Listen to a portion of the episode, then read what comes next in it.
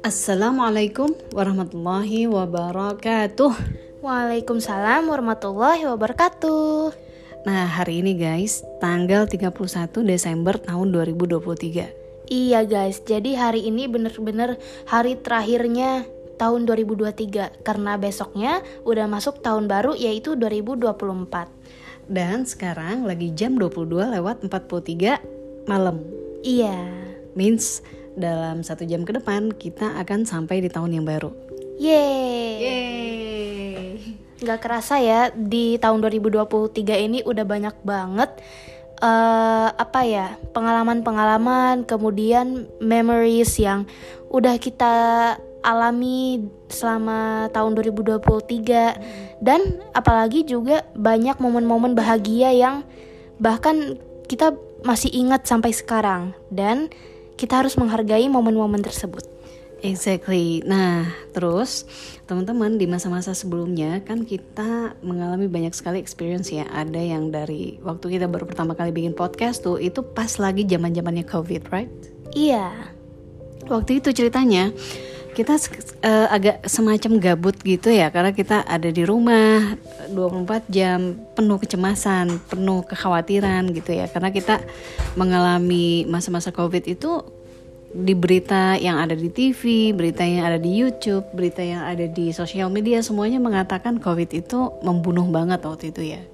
Yaps. Nah itu pengalaman kita pertama kali mengadakan podcast. Nah uh, guys kali ini kita karena ini di penghujung tahun 2023 kita akan membahas tentang satu topik yang sangat memorable banget. Ya, apa itu? Yaitu tentang uh, mengingat masa-masa kecil kita. Yes, exactly. Tepatnya mengingat masa kecil Aisyah. Yeay. Nah, sekarang Aisyah kan udah kelas 1 SMP nih. Jadi mami mau flashback tentang masa kecil Aisyah di masa lalu. Oke. Okay. Nah, uh, mungkin kita bisa mulai dari sini ya. Masa kecilnya Aisyah itu sayang uh, penuh dengan tantangan banget sih buat mami. Oh, kenapa emangnya? Nah, gini, mami itu uh, pada saat pertama kali mengetahui bahwa mami sedang hamil Aisyah, itu yang ngasih tahu kucing loh. Oh, kok bisa? Gimana dia? Uh, maksudnya gimana cara kucingnya ngasih tahu mami kalau misalnya mami sedang mengandung Oke, waktu itu mami lagi nonton TV nih. Nah, terus pas lagi nonton TV, si kucingnya itu kayak lewat-lewat gitu, kayak belai-belai perut mami gitu sama badannya gitu loh, Syah. Oh, jadi kayak dia uh, apa ya bahasanya? elus-elus elus-elusin badannya di perut mami gitu ya? Iya, dan itu kucingnya jantan, mami bisa ingat. Dia warnanya hitam dan putih, namanya Beng Beng. Oh, iya, mami uh, pernah sekali dua kali cerita tentang si Beng Beng. Uh -uh. Nah terus Mami hamil tuh ya sekitar 8 bulan ya hamil Aisyah dan itu sepanjang kehamilan Mami sayang rasanya sakit gitu tiap hari. Oh iya ya, namanya juga lagi hamil ya, pasti uh, akan terjadi beberapa kesulitan juga dalam menghadapi kegiatan sehari-hari. Tapi mami hebat sih, karena mami walaupun uh, rasanya memang sakit di tubuh mami cuma aku itu sih menganggap itu keren karena mami maksudnya itu kerennya karena mami tetap bisa berusaha semaksimal mungkin menjalankan hari-hari mami seperti biasa. Betul sayang. Makasih ya sayang. Nah, mami tuh selama 8 bulan waktu hamil Aisyah itu ceritanya kan uh, eh, 8 bulan itu perut mami tuh kayak sakit kayak mau melahirkan aja gitu tiap hari. Maksudnya tuh sakit kayak berasa orang mau melahirkan aja gitu. Kayak kayak kayak jalan susah. Uh, ya you know what? Sampai mami kalau misalnya lagi naik taksi gitu ya. Waktu itu Allah kita belum punya kendaraan sayang. Jadi ke mana-mana tuh naik taksi. Karena kalau mami naik bus kayaknya susah banget gitu ya. Naik turun bus gitu ya. Kan ada tangganya tinggi kan kalau naik bus gitu kan? Iya Nah akhirnya kita naik taksi setiap hari tuh uh, dan ketika naik taksi itu pasti bilang sama pak supirnya pak supir tolong pelan-pelan dong karena kalau nggak perut saya sakit nih bilang gitu sama supirnya. Oh iya iya. Nah itu setiap hari tuh sayang ditemenin sama ayah gitu kan, pergi uh, berangkat pulang kerja gitu kan. Nah setelah itu di, di masa masa-masa hamil berlalu datanglah tanggalnya di mana Aisyah sudah waktunya lahir. Nah itu unik juga tuh. Suatu hari, mami udah dua hari ini ngambil hari cuti sayang. Oh. Nah waktu itu mami berdoa sama Allah ya Allah, boleh nggak sih uh, hambamu ini ingin ketika cuti melahirkan gitu waktu untuk mengasuh anak di rumah tuh masih panjang jadi pengennya tuh begitu cuti pengennya langsung lahiran gitu nah terus apakah itu terjadi Yes, exactly. Dua hari selama mami ambil cuti, mami langsung melahirkan. Jadi hari itu tuh perut mami kan sakit kan ya. Wah ini perut sakit nih, gimana ya kok aneh ya rasanya. Terus mami bilang sama nenek, sama kakek di rumah sama Inyi kan. E, Mah kok perutnya sakit aja ya tiap satu jam nih gimana ya ini kayaknya aneh deh nah terus kata ini katanya e, mami telepon aja ayah suruh pulang biar nemenin Molly di rumah mama feeling nih kamu melahirkan hari ini gitu kata nenek kan terus akhirnya mami telepon nih ayah pulang e, bisa nggak ayah tolong pulang sekarang e, karena kayaknya perutnya sakit kata mama kayaknya bisa jadi nih melahirkannya hari ini akhirnya nggak lama kemudian ayah pulang sekitar satu jam kemudian satu jam di rumah, tambah sakit nih perut. Loh, kok tambah sering ya sakitnya? Uh, udah mulai satu kali 45 menit nih. Terus kata nenek, udah deh sekarang kamu berangkat aja dulu ke rumah sakit, periksa. Feeling mama, kamu melahirkan hari ini dan bawa semuanya apa yang kira-kira dibutuhin kayak baju ganti, segala macem gitu kan. Nah terus pas begitu sampai di rumah sakit, eh bener kata dokternya, lagi diperiksa gitu kan aturan mau disuntik induksi gitu kan biar bisa melahirkan normal kan Tahu-taunya kata dokter, e, ibu diperiksa dulu ya. Ini masih sama susternya kan, diperiksa dulu ya. Tensinya segala macam kayak normal gitu kan. Terus tahu-tahu kok perutnya sakitnya beda ya, suster boleh nggak sih dipanggilin dokternya? Terus kata susternya, oh ya bu saya telepon dokternya gitu kan. Itu sekitar jam uh, eh, 4 atau setengah 5 sore. Oh aku kira tuh kejadiannya yang tadi mami pas periksa itu malam. Enggak, itu masih sore sayang. Nah akhirnya maghrib, sekitar menjelang sholat maghrib, itu dokternya datang. Terus e, bilang kan dokter ini tuh pasien yang udah janjian mau disuntik e, induksi supaya bisa melahirkan sekarang. Oh iya sini saya cek kata dokternya gitu kan. Pas dicek dokternya tiba-tiba marah gebrak meja gitu kamu kenapa nggak bilang dari tadi kata dia ngomong sama susternya ini anaknya kebelit tali pusar nggak bisa diinduksi ini harus segera melahirkan kalau tidak anaknya terancam bahaya kata dokternya gitu oh jujur aku kaget ya pas ternyata tuh waktu mami mau melahirkan aku sempat kelilit tali pusar Iya, dan kebelit tali pusar tuh di leher sayang. Jadi kan tali pusar tuh panjang kan. Itu ngelingker di leher Aisyah gitu loh. Oh iya sih itu kelihatannya bahaya. Mm-mm, karena kalau anaknya bisa kecekek gitu kan jadi nggak napas kan. Nah udah gitu akhirnya uh, kata dokternya ayo ke ruang operasi sekarang gitu. Akhirnya disiapin tuh sayang dari jam 7 ruang operasi administrasi segala macem. Tapi ada antrian melahirkan. Asyik, akhirnya mami dikir aja tuh berdua sama ayah ya Allah tolong selamatkan anak kami ini. Berdoa sampai jam 9 mami masuk ruang operasi. 9 setengah 10 akhirnya ketika masuk ruang operasi disuntik ya kan disuntik bius di punggung mami akhirnya mulai nggak berasa tuh dari pinggang ke bawah. Udah dipotong perutnya anaknya dikeluarin. Begitu anaknya dikeluarin kenapa nggak ada suaranya kata mami gitu. Oh terus um, kalau nggak ada suaranya uh, kalau kalau nggak ada suaranya itu ada perubahan warna di kulit gitu nggak mi Nah, mami kan nggak tahu nih sayang, maksudnya mami juga nggak tahu kan bentuknya anak yang benar-benar berlahir tuh kayak gimana gitu kan. Soalnya nggak kelihatan, ketutupan gitu sayang ada kayak kain gitulah yang nutupin sehingga mami nggak bisa ngelihat uh, Aisyah. Bayi yang baru keluar tuh mami nggak bisa lihat karena kan dioperasi sesar kan. Tapi mami lihat muka dokternya, dokternya tuh panik banget tahu. Terus kayak, duh, kayak kayak gitu dokter tuh kayak berusaha keras supaya Aisyah tuh bisa nangis tapi aku nggak tahu kenapa gitu kan. Akhirnya berselang dua menitan apa dua menit tiga menit kali ya baru tuh tiba-tiba ada suara Aisyah nangis. Oh jadi aku aku uh, aku akhirnya nangis? Akhirnya nangis tapi begitu mami lihat Aisyah tadinya uh, kan tadinya Aisyah udah di kayak digoncang-goncang lah sedikit sama dokternya gitu ya. Mami juga nggak ngeliat sih. Cuma mami ngerasa kayak di tempat tidur tuh agak kayak ada kepanikan sedikit ada guncangan kepanikan gitu ya. Bukan kepanikan sih istilahnya tapi apa ya? Uh, tentunya dokternya profesional of course. Tapi mami kayak ngerasa kok kayak nggak biasa nih ada apa nih? Akhirnya Aisyah kayak dibawa mondar mandir dielap gitu kan dielap ke meja sebelah sana. Eh tiba-tiba nangis. Dan mami ngeliat warnanya Aisyah tuh dongker banget Aisyah Oh iya jadi itu yang tadi aku tanya Mi. Ada perubahan warna kulit gitu atau enggak? Ternyata dongker. Iya dan akhirnya ketika Aisyah udah dielap sama susternya terus kan uh, masih di ruang operasi dokternya jahit uh, perut mami kan karena habis melahirkan. Akhirnya mami diperkenankan untuk memeluk Aisyah dan mami lihat waktu itu sayang waktu Aisyah di uh, tungkurepin di dada mami Aisyah tuh sempat kayak ngelihat gitu dari lirikan mata Aisyah. Mami ingat banget sayang tatapan itu. Aisyah tuh seakan-akan bilang sama Mami, Mami kita hampir nggak ketemu. Maybe ya.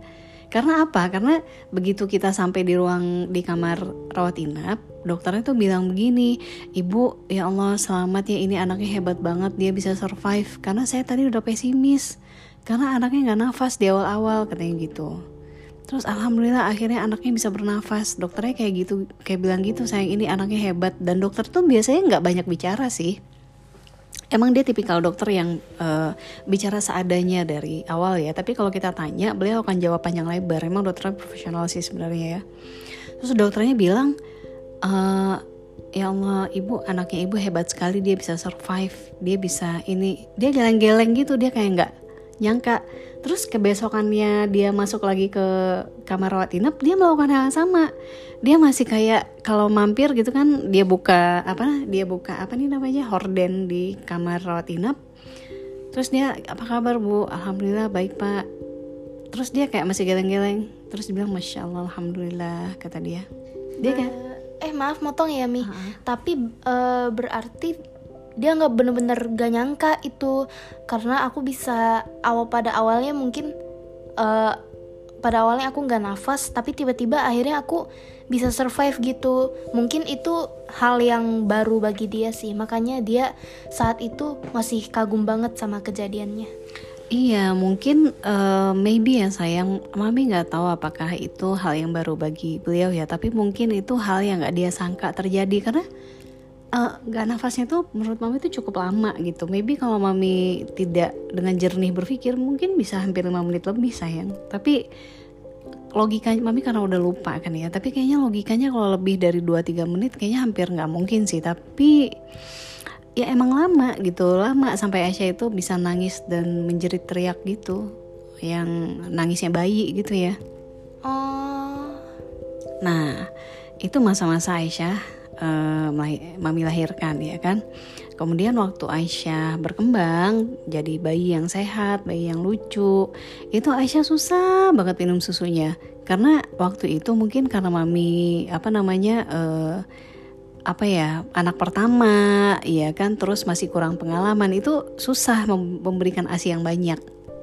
Oh, sedangkan dokternya kan yang tadi kan dokter melahirkan kan berarti ketika anaknya sudah lahir dokternya ganti. Nah dokter si pengganti si dokter anak ini bilang bu jangan dikasih formula ya anaknya. Tetap kasih asi apa pun yang terjadi. Hmm, eh tapi aku baru tahu waktu itu ternyata dokternya diganti karena aku kira dokternya bakal sama terus. Nah, dokternya diganti sayang, tapi dokter pengganti ini juga dokter profesional. Dia dokter yang biasa menangis anak-anak prematur. Karena kan sebenarnya Aisyah jatuhnya agak-agak prematur juga kan karena 8 tahun 8 bulan sekian 8 bulan satu minggu kalau nggak salah Aisyah itu lahirnya. Hmm, aku baru tahu aku agak prematur. Iya sayang. Nah terus waktu Aisyah udah lahir uh, asinya kurang akhirnya Aisyah kayak lapar gitu kan datang lagi tuh mami uh, kontrol dokter ini saya gimana ya kok asinya kurang nih gitu kan. Asinya nggak banyak buat anak saya. Terus kata dokternya ibu yang penting jangan sampai dikasih susu formula. Akhirnya dokternya ngasih obat tuh sayang supaya uh, memperbanyak asupan asi buat Aisyah penyediaan asi hmm, Ya cuma sih kayaknya ya menurut aku kalau masih bayi tuh kayaknya emang susu formula tuh belum dibolehin deh. Mungkin mungkin ya kalau menurut aku susu formula itu kurang aman dan lebih sehat pakai yang ASI.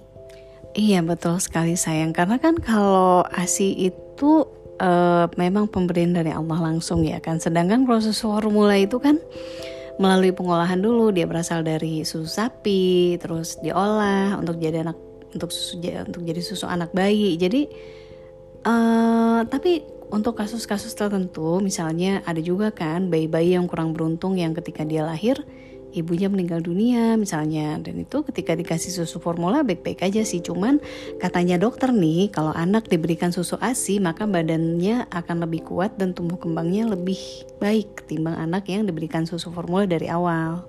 Oh. Nah kemudian waktu berlalu ya kan akhirnya Aisyah masih bisa minum ASI tuh sampai umur satu tahun.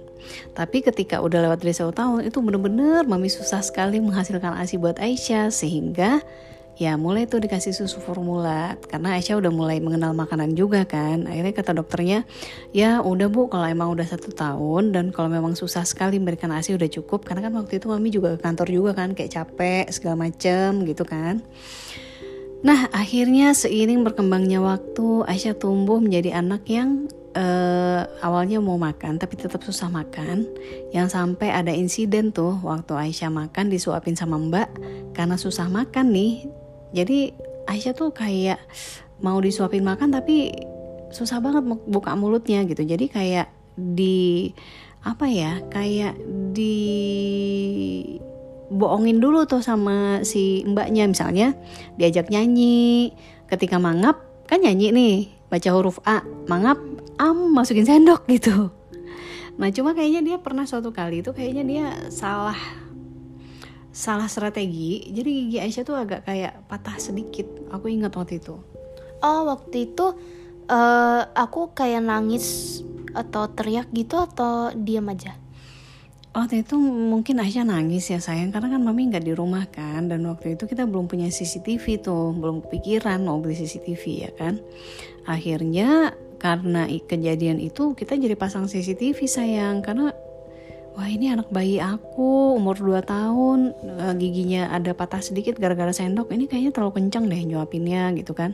Sejak saat itu Aisyah jadi nggak mau makan lagi. Sampai Aisyah umur sekitar lima tahun. Jadi yang Aisyah minum itu apa akhirnya ketika mami konsultasi sama dokter berikan aja pediasure karena di pediasure itu udah ada uh, karbohidratnya gitu kan. Jadi supaya Aisyah nggak terlalu lapar. Akhirnya Aisyah uh, kata dokter berikan aja apa yang Aisyah mau makan yang penting makan Nah, waktu itu mami datang ke dokter di rumah sakit Premier Bintaro. Di situ ada seorang dokter yang uh, beliau waktu itu ketua ikatan dokter anak ya kan.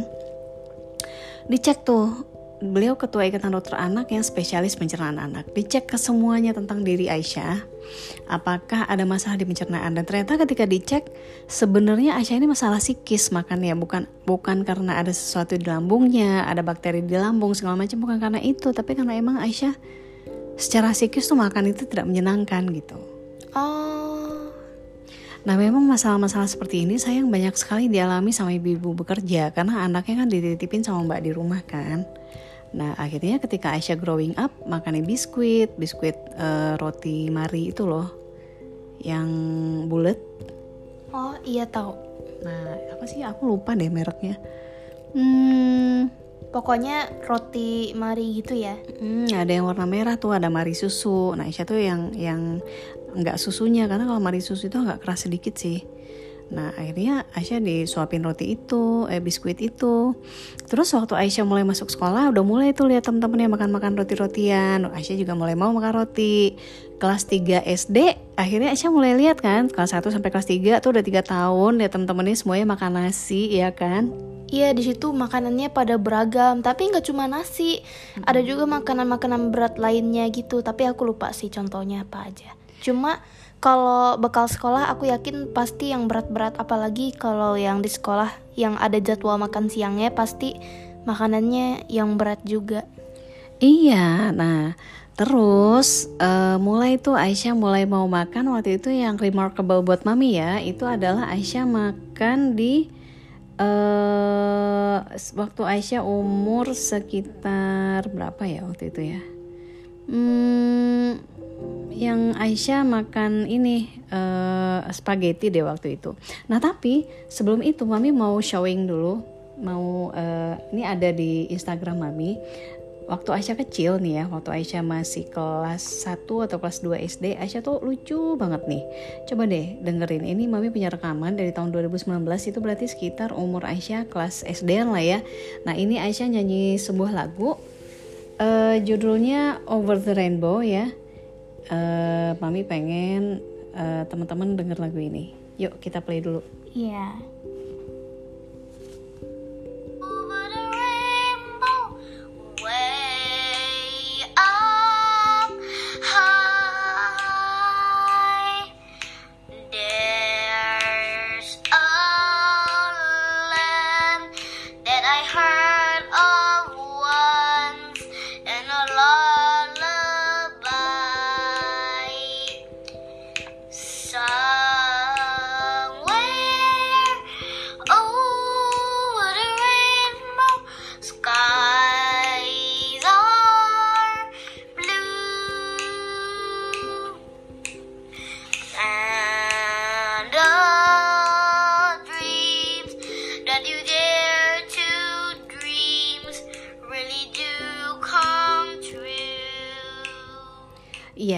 Itu lagunya Over the Rainbow. Itu sekitar Aisyah umur uh, SD-an gitu, awal-awal SD ya. Dan itu Aisyah itu uh, karena Aisyah banyak minum susu, terus makan biskuit, jadi Aisyah tumbuh jadi anak kecil yang rambutnya ikal-ikal kriwil gitu. Tapi uh, badannya uh, berisi. Jadi kayak uh, maaf nih ya, gembul tapi lucu banget, bikin gemes gitu loh. Oh iya iya iya Iya, jadi kalau buat uh, lihat anak kecil nih ya, kita lihat anak TK, anak SD yang baru-baru gede gitu, itu ngelihatnya tuh kayak lucu banget, gemes gitu. Dan Aisyah tuh anaknya tuh um, extrovert sebenarnya. Aisyah tuh suka tampil, suka nari, suka nyanyi you know? Dan Aisyah tuh uh, bisa berbahasa Inggris dengan baik karena memang tantangan waktu itu karena mami berangkat kerja ayah juga berangkat kerja. Jadi kadang kalau mau ngasih Aisyah makan tuh even though itu cuma ngasih makan biskuit doang kadang uh, harus ditemenin sama handphone gitu.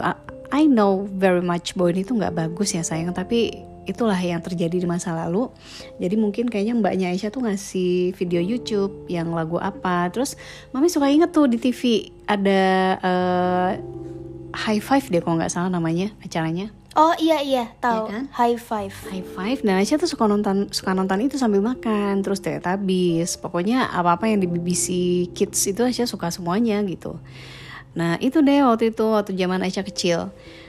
Nah terus yang remarkable banget nih ya Aisyah itu uh, Mami seneng banget waktu Mami ajak Aisyah jalan-jalan tapi Mami lupa ke mana gitu ya. Terus uh, Aisyah udah mulai mau makan tuh kayak makan apa nih namanya kayak makan um, spaghetti gitu kan. Tapi ada satu yang menarik dari kisahnya Aisyah. Waktu itu Mami ajak Aisyah jalan-jalan ke apa namanya ke um, aku lupa deh ini di mana sih tapi dengar dari rekamannya. Lucu banget waktu Aisyah nasehatin mami melalui rekaman ini. Yuk kita dengerin. Oke nih ya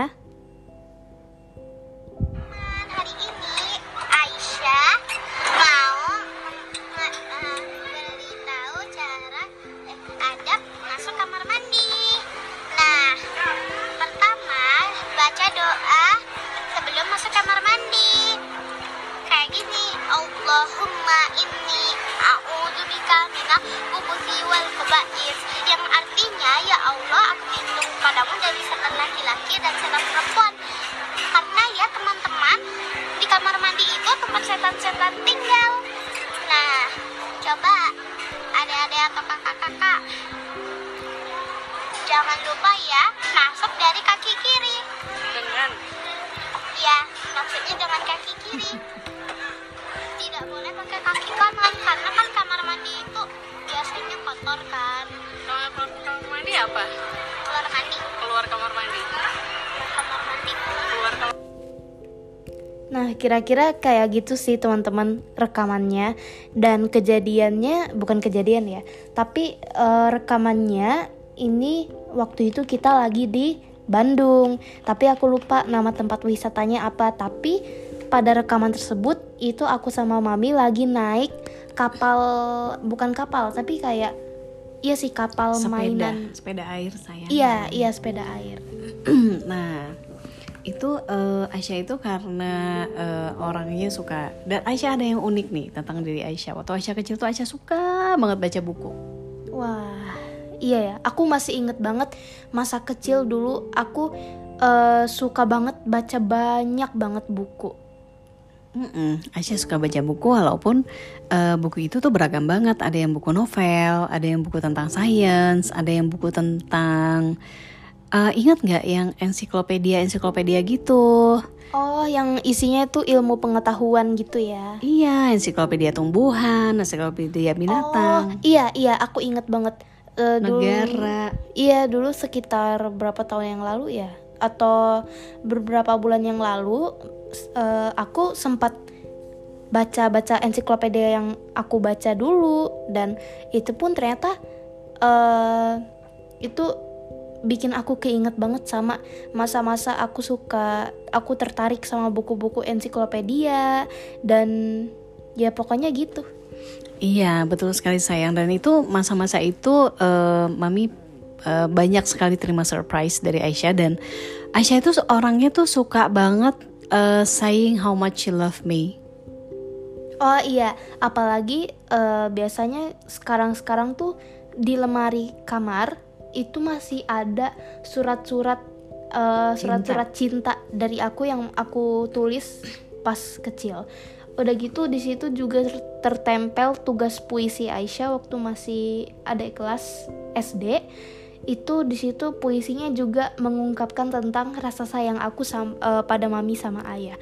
Pokoknya waktu dulu tuh uh, setiap surat sayang yang aku tulis sama mami pasti dia tempel-tempel di kamar dan uh, bahkan di dekat aku sekarang di sini ada tembok udah gitu di situ banyak banget surat-surat sayang atau bahkan gambar-gambar aku, uh, eh, aku sama mami dan itu pun aku bikin waktu masih kecil dan sekarang tertempel di temboknya. Nah, ada beberapa tulisan nih yang mami masih lihat uh, di gambar-gambar ini ada yang tulisannya Aisyah sayang mami selamanya. Itu tulisan tangan Aisyah. Terus Aisyah juga tulis mami is the best mom ever. She's kind and friendly. Terus ada gambar heart. Aisyah love mami. Terus ada lagi nih tulisan nih, mami cinta Aisyah forever. Terus itu apa sih? uh, yang di sini ada juga selain itu dia tulisannya semoga usahanya sukses mami. I love you. Terus di sini ada yang Aisyah sayang mami uh, mami sayang Aisyah pokoknya yang gitu-gitu. Terus di situ ada gambarnya juga. Aku yang mana? Nah itu ada tuh waktu mami ulang tahun Aisyah nulis doa dari Aisyah. Oh iya.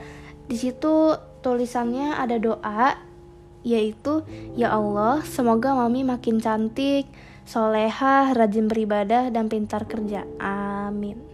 Masya Allah. Jadi waktu Aisyah kecil tuh Aisyah tuh seneng banget bikinin surat cinta, which is mami masih punya dan itu tebalnya sekitar 5 cm.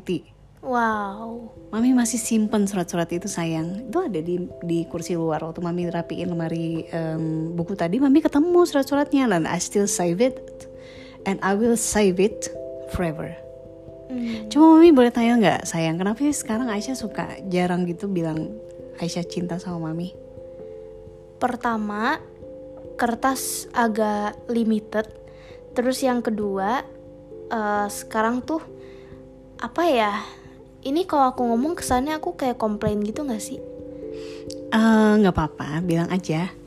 Tapi tuh kadang uh, seiring waktu ya kadang-kadang kan kita ini uh, suka ada kesibukannya sendiri mami sibuk bekerja dan aku juga sibuk mengerjakan tugas-tugas sekolah jadi tuh uh, kadang tuh waktu untuk menulis surat cinta itu terbatas juga. Udah gitu kadang uh, tapi ini aku bukan mau ngomongin jahat-jahat tentang mami ya. Tapi kadang-kadang kalau aku mau ngajak ngobrol sama mami mami suka waktunya tuh terbatas. Jadi aku suka beralih ke ngobrol sama teman-teman entah di WhatsApp, entah video call, entah voice note. Jadi uh, gimana ya? Kadang tuh waktu-waktunya suka kepake buat kesibukan sendiri aja gitu. Hmm, sayang, I really sorry ya sayang. Jadi memang apa namanya sejak pandemi itu ya mami tuh berasa banget sayang ketika masuk pandemi. Uh, di rumah itu kan bekerja ya sayang jadi WFH waktu itu. Jadi secara fisik itu memang bingung banget. Secara fisik mami ada hadir di sisi Aisyah tapi mami nggak bisa diajak ngobrol karena mami posisinya tuh kondisinya tuh lagi kerja ya kan? Jadi itu kan look you know what weird gitu kan aneh gitu kan. Mami ada di sisi Aisyah kita 24 jam bersama tapi kita nggak bisa ngobrol. Karena mami kerja gitu kan. Tapi kalau misalnya mami kerja keluar kantor itu jelas kan keluar kantor begitu pulang nyampe rumah kita bisa ngobrol ya kan? Tapi yang aneh nih pandemi itu kita kerja udah gitu pulang kerjanya juga nggak jelas jamnya berapa yang kadang kita sampai setengah satu malam juga masih kerja masih meeting dan itu happened in my life dan itu terjadi. Dan itu mungkin yang membuat Aisyah jadi kayak ngerasa kurang diperhatiin sama mami. Mami minta maaf ya sayang. Tapi mami berharap kita bisa punya banyak waktu bersama yang kita bisa you know hmm, mami pengen sebenarnya punya surat cinta lagi dari Aisyah dan mudah-mudahan Aisyah mau bikinin lagi suatu waktu nanti. Iya tapi akhir-akhir ini beberapa bulan yang lalu aku pernah nulis cuma mami lupa kali. Mami tempel di buku tulis mami tapi aku oh, lupa iya. yang mana. Aku inget sih itu aku tempel di buku notes catatan kantor harian kerja Iya. Alright.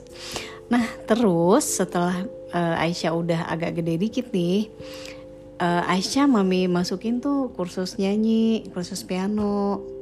Terus uh, Aisyah uh, walaupun cuma bisa sebentar ya kursusnya karena kan sempat waktu itu jari Aisyah patah kan ya gara-gara pulang umroh terus uh, kena apa tuh namanya? Ketimpa ketimpa apa tuh ketimpa uh, troli. Troli yang biasa buat uh, itu buat narok koper. Mm -mm. dan itu mami sedih banget sayang. Sedih banget hati mami hancur banget rasanya. Tapi ya udah alhamdulillah akhirnya semua sekarang jarinya udah membaik dan tidak kelihatan ada ini ya ada patahan ya sayang. Tapi masih sakit nggak sih jari manisnya? Uh, nih aku tahu mungkin mami bakal kaget dikit cuma sekarang udah mendingan sekarang udah itu nggak terjadi lagi. Kalau aku boleh jujur uh, beberapa bulan lalu kadang-kadang kalau misalnya aku uh, apa ya melakukan aktivitas tertentu yang menggerakkan semua jari termasuk jari yang pernah patah itu tiba-tiba suka sakit dikit gitu loh. Tapi hmm. dikit aja maksudnya nggak aku nggak merasakan tulang aku itu bakal kenapa-napa. Aku merasakan tulang aku tuh baik-baik aja seakan-akan mereka ya tetap nyatu. Cuma apa ya uh, tetap sakit dikit dan lino nggak tahu sih lino atau bukan namanya. Cuma aku aku waktu itu jadi khawatir kan aduh jariku kenapa ya? Tapi seiring waktu waktu terus berjalan dan akhirnya rasa sakit itu hilang. Oh waktu itu aktivitas apa sayang? Uh, aku lupa sih tapi aktivitasnya itu beragam. Hmm, berarti tangannya Aisyah tuh nggak boleh apa ya maksudnya sebenarnya kan udah bertahun-tahun kan sejak saat itu kan cuman mungkin mami nggak tahu deh apakah tulang yang patah kemudian dia menyatu kembali itu dikategorikan sebagai tulang yang tanda kutip muda kembali. Maksudnya karena dia nyatu kan dari tulang patah ke nyatu itu dia nggak tidak sekuat tulang yang udah utuh dari awal. Jadi barangkali akan butuh sekian tahun lagi supaya dia bisa kuat lagi mungkin ya. Tapi mungkin beberapa waktu uh, ini ya memang tangan yang jari yang satu ini sayang jangan banyak ngangkat berat melakukan hal berat gitu dulu kali ya sayang ya terutama kalau Aisyah pergi ke sekolah tuh kan bawanya berat banget tuh ada bawa-bawa laptop lah gitu kan kalau bisa tangan yang ini jangan terlalu banyak difungsiin ya sayang oh iya Oke. Nah terus, eh, mami juga pengen mau nge-spotlight Aisyah waktu itu nyanyi. Boleh dinyalain lagi sayang. Ini salah satu lagu yang mami suka Aisyah nyanyiin karena ini kalau nggak salah eh, judulnya apa ya? Yang ini loh, yang Aisyah rambut panjang ini sayang yang ini. Nih kita dengerin yuk. Oh iya. Iya ya. Nih. Oke. Oh Tuhan, ini aku lagi mencurahkan isi hati. Jangan bosan mendengarku lagi.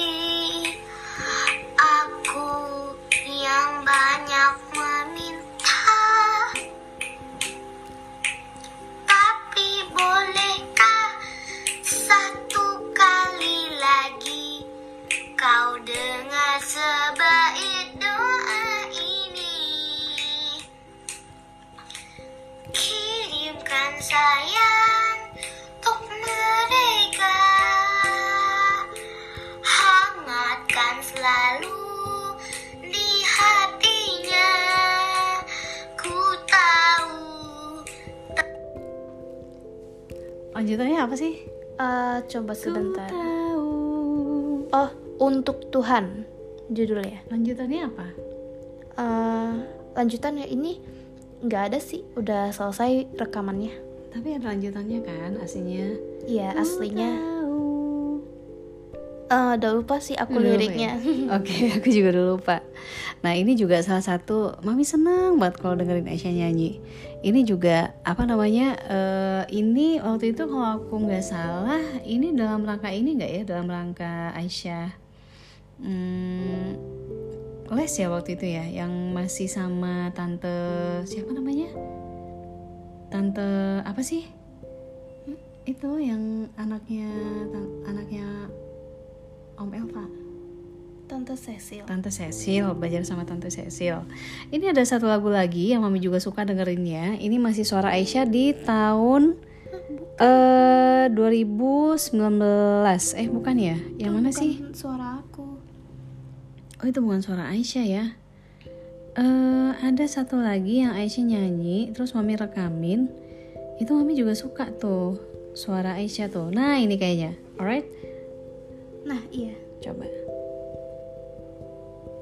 Hmm, bisa nggak sih kita mundurin? Eh, mana sih? Nih.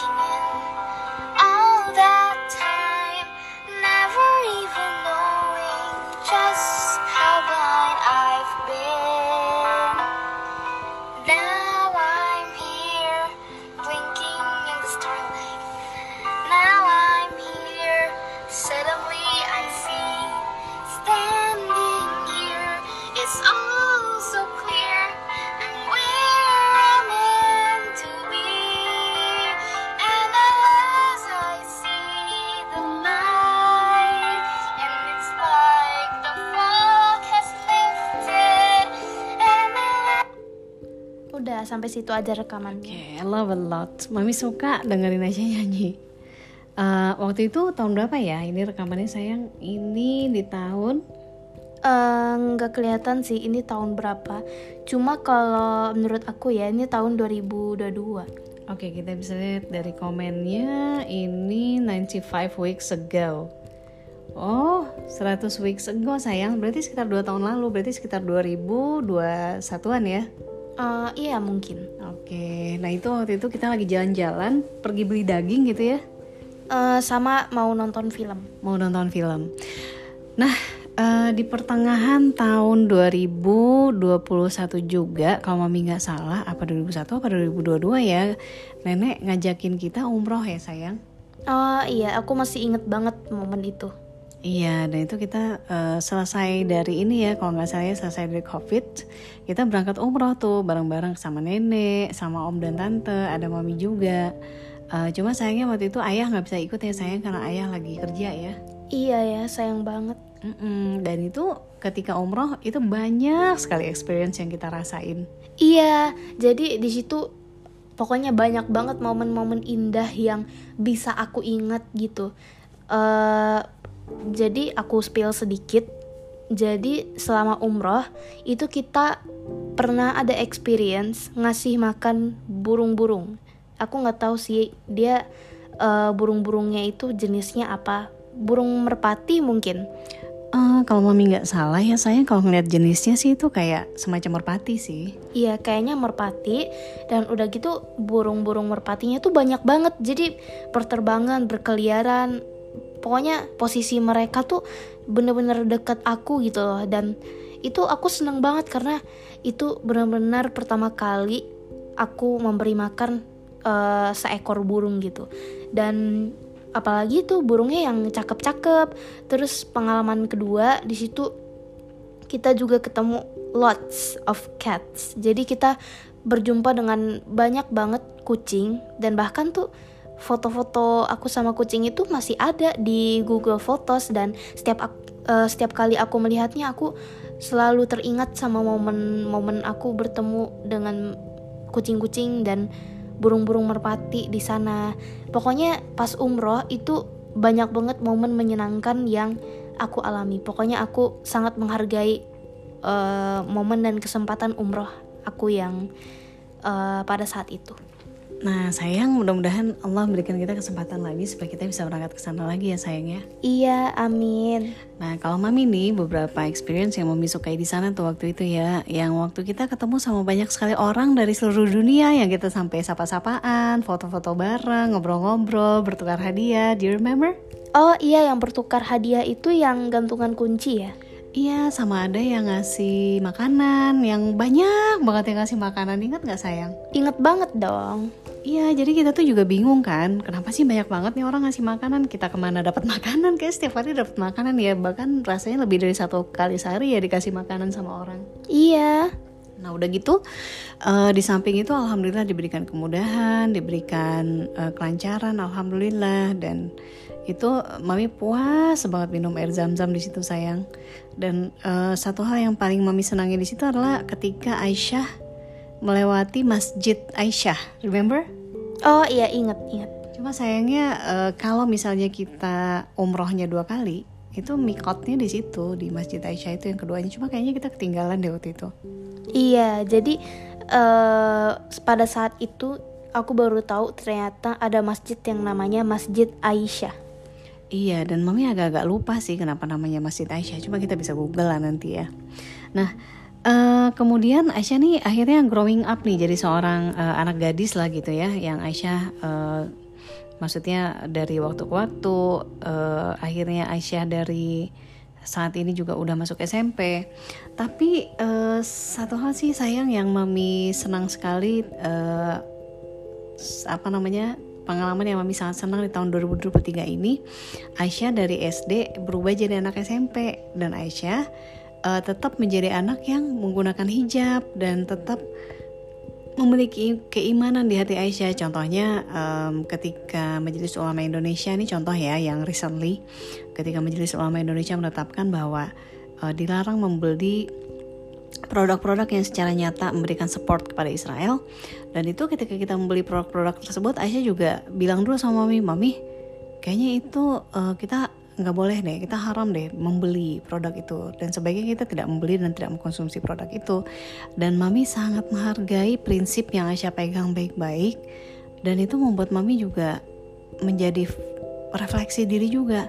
Wah kalau anakku aja berpikir seperti itu anak kecil aja ya. Karena kan tentunya buat mami Aisyah nih hitungannya anak kecil kan ya. Karena walaupun Aisyah udah remaja sebenarnya kan. Cuma buat ukuran anak yang berpikir setegas itu dengan prinsipnya mami sangat menghargai banget apalagi kalau kita ke restoran-restoran. Aisyah pasti nanya dulu mami ini halal nggak gitu. Ya mami sangat menghargai sekali sayang. Dan eh, mami juga senang ketika Aisyah di sekolah eh, pernah dapat nilai 100 dari cuma lima orang waktu itu satu angkatan ya dapat suatu dari suatu mata pelajaran gitu ya. Eh, mami belajar banyak sekali hal dari Aisyah sayang Dan Mami semoga berharap ya di tahun 2024 ini kita memiliki semangat baru dan harapan baru dan mencapai uh, sesuatu hal yang baru yang berarti buat uh, kita sekeluarga.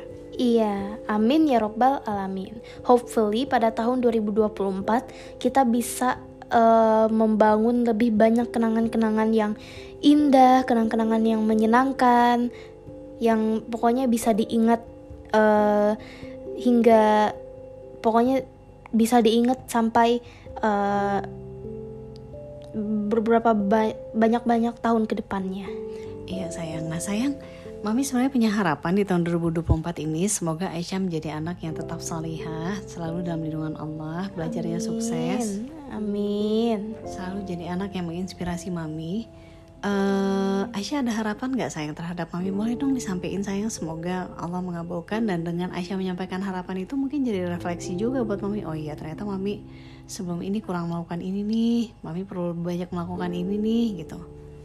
Uh, Aku pada 2002 pada tahun 2024 Eh maksudnya untuk tahun 2024 Harapannya Semoga nanti pada tahun 2024 Mami dapat uh, maksudnya lebih berhati-hati dalam memilih uh, beberapa hal-hal yang uh, secara jelas dia udah terbukti mendukung Israel. Dan itu memang kita perlu hati-hati teman-teman. Karena uh, uh, boykot itu emang berpengaruh dan bahkan kalau di sosial media aku udah mulai pada denger nih kabar-kabar kalau misalnya uh, saham yang dimiliki sebuah perusahaan yang diduga mendukung Israel itu pada anjlok banget. Dan ternyata aku gak nyangka sih ternyata usaha kita selama ini yang untuk ngeboikot itu gak sia-sia. Dan uh, pokoknya kita harus tetap semangat boykot dan kita jangan sampai uh, menyerah atau lalai gitu. Terus kemudian harapanku selain uh, mami hati-hati mempertimbang mempertimbangkan dalam memilih brand, aku berharap semoga mami uh, pekerjaannya uh, berjalan lebih baik pada ke depannya karena akhir-akhir ini kadang aku suka melihat mami mungkin ekspresinya kelihatannya kurang nyaman atau khawatir karena kadang-kadang I know kalau misalnya orang dewasa bekerja itu emang rintangan yang sulit dan ya aku berharap uh, pekerjaan mami berjalan lebih baik ke depannya daripada yang sedang mami alami sekarang. Amin. Ada nggak harapan yang khusus dari mami untuk Aisyah? Aisyah berharapnya seperti apa sayang? Maksudnya? Apakah punya waktu lebih banyak punya waktu ngobrol atau apa? Ya pertama itu, kemudian yang kedua uh, apa ya? Uh, tapi Aisyah tuh sebenarnya tahu nggak sih bahwa mami tuh sangat sangat sangat sangat mencintai Aisyah? Iya tahu dong. Uh, apakah Aisyah ngerasa ada berkurang nggak sih rasa sayang mami ke Aisyah atau tidak? Uh, enggak Oh tapi Aisyah tuh tahu ya mami tuh cinta banget dan gak pernah berkurang rasa sayang mami sama Aisyah. Iya aku tahu. I love you so much sayang. Iya. You are my world, you're my everything. Aisyah adalah harta paling berharga buat mami, pemberian Allah yang paling membahagiakan hati mami. Alhamdulillah. Dan uh, maybe ya sayang mami itu lebih mencintai Aisyah daripada mencintai diri mami sendiri. Mm-mm. Dan di pelupuk mata mami dalam setiap mami melakukan kegiatan tuh Aisyah, Aisyah, Aisyah, Aisyah. Masya Allah. Contoh nih ya, berangkat ke kantor. Itu uh, kalau misalnya Aisyah lagi libur nih begitu begitu mami berangkat ke kantor ya kan mami selalu nyala tuh CCTV menjaga Aisyah gitu. Mm. nih anak mami udah bangun belum nih? Uh, dia kan biasanya Aisyah sholat subuh tidur lagi kan. Udah gitu anak mami udah bangun belum nih? Lagi apa ya? Aman gak ya? Terus kucing-kucingnya garuk-garuk pintu gak ya? Itu mami pantau sayang CCTV kamarnya iya pokoknya saking uh, sayangi seorang ibu pada anaknya uh, jadi karena anak itu adalah salah satu harta paling berharga di mata seorang ibu ya pasti seorang ibu itu akan melakukan segala cara cara yang baik untuk melihat kondisi anaknya. Iya sayang Hmm, kalau misalnya bisa nih, Aisyah tuh pengen mami ketekin terus, taruh di ketek terus dibawa ke mana-mana. Pengennya gitu, pengen digendong terus. Pengennya ya, mungkin semua ibu itu sayang pengennya itu anak itu digendong terus, dipeluk terus, dipakai gendongan kain tuh nggak dilepas-lepas. Coba kan itu nggak mungkin terjadi sayang karena anak tuh juga harus tumbuh dewasa dan dia harus eksplor dunia sendiri kan. Dan berat badan kita seiring kita tumbuh bakal naik juga jadi nanti nanti takutnya berat Apalagi sekarang berat badan kita udah balap-balapan ya. iya jadi You eh, know what? Ini tinggi badan aja nih guys. Tinggi badan Aisyah tuh udah lebih dari tinggi badan Mami loh. tinggi badan mami berapa Aku 154 dan kayaknya Aisyah udah mencapai 160 sih. aku 158 Really? iya Tapi 158 beberapa bulan lalu kan? eh, kayaknya Nah sekarang kayaknya udah nyampe 160 deh Karena Mami lihat kemarin Aisyah setinggi Tante Dewi Dan Tante Dewi itu 160 oh berarti 154 eh Beda 6 cm iya beda 6 cm Dan dulu tuh di zaman Mami masih remaja Ya kan 160 itu tinggi badan ideal yang diinginkan. Kenapa? Karena untuk jadi pramugari Kalau nggak salah minimal Ya pramugari itu kalau nggak salah 160 apa 165 gitu ya.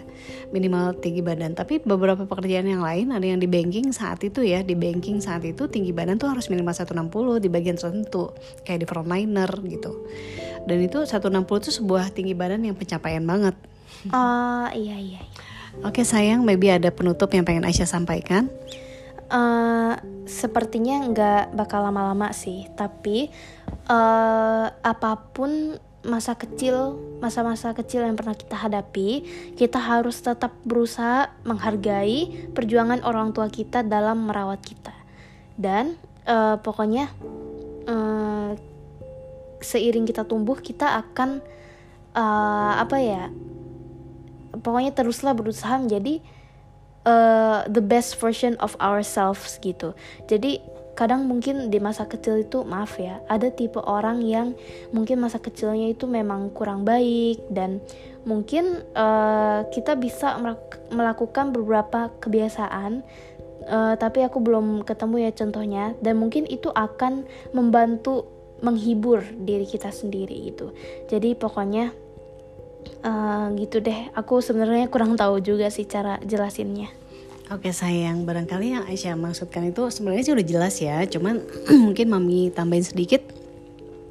Jadi apa pun yang terjadi dengan masa lalu kita, eh, khususnya kalau buat Aisyah kan berarti masa kecil ya, kita harus eh, mengambil eh, rasa bersyukur karena apa pun yang kita alami, ada satu hal nih, apalagi terutama buat Muslim kan, segala sesuatu perkara buat seorang Muslim itu adalah kebaikan. Alhamdulillah ala kulli hal kita bersyukur di semua keadaan. Nah, iya gitu gitu. Iya kayak keadaan yang experience yang baik itu adalah suatu kebahagiaan buat kita tapi experience yang buruk itu juga tidak em, memberikan dampak negatif untuk perkara seorang muslim. Kenapa?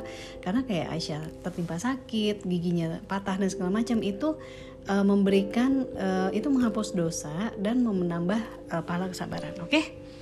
Baiklah demikian ya teman-teman karena ini udah menjelang satu jam kayaknya juga podcast kita udah jadi terlalu lama nih terlalu panjang lebar kita ingin memberikan semangat buat semuanya, semangat di tahun 2024 ini, eh, semangat Yes. tahun baru untuk semuanya dengan semangat baru.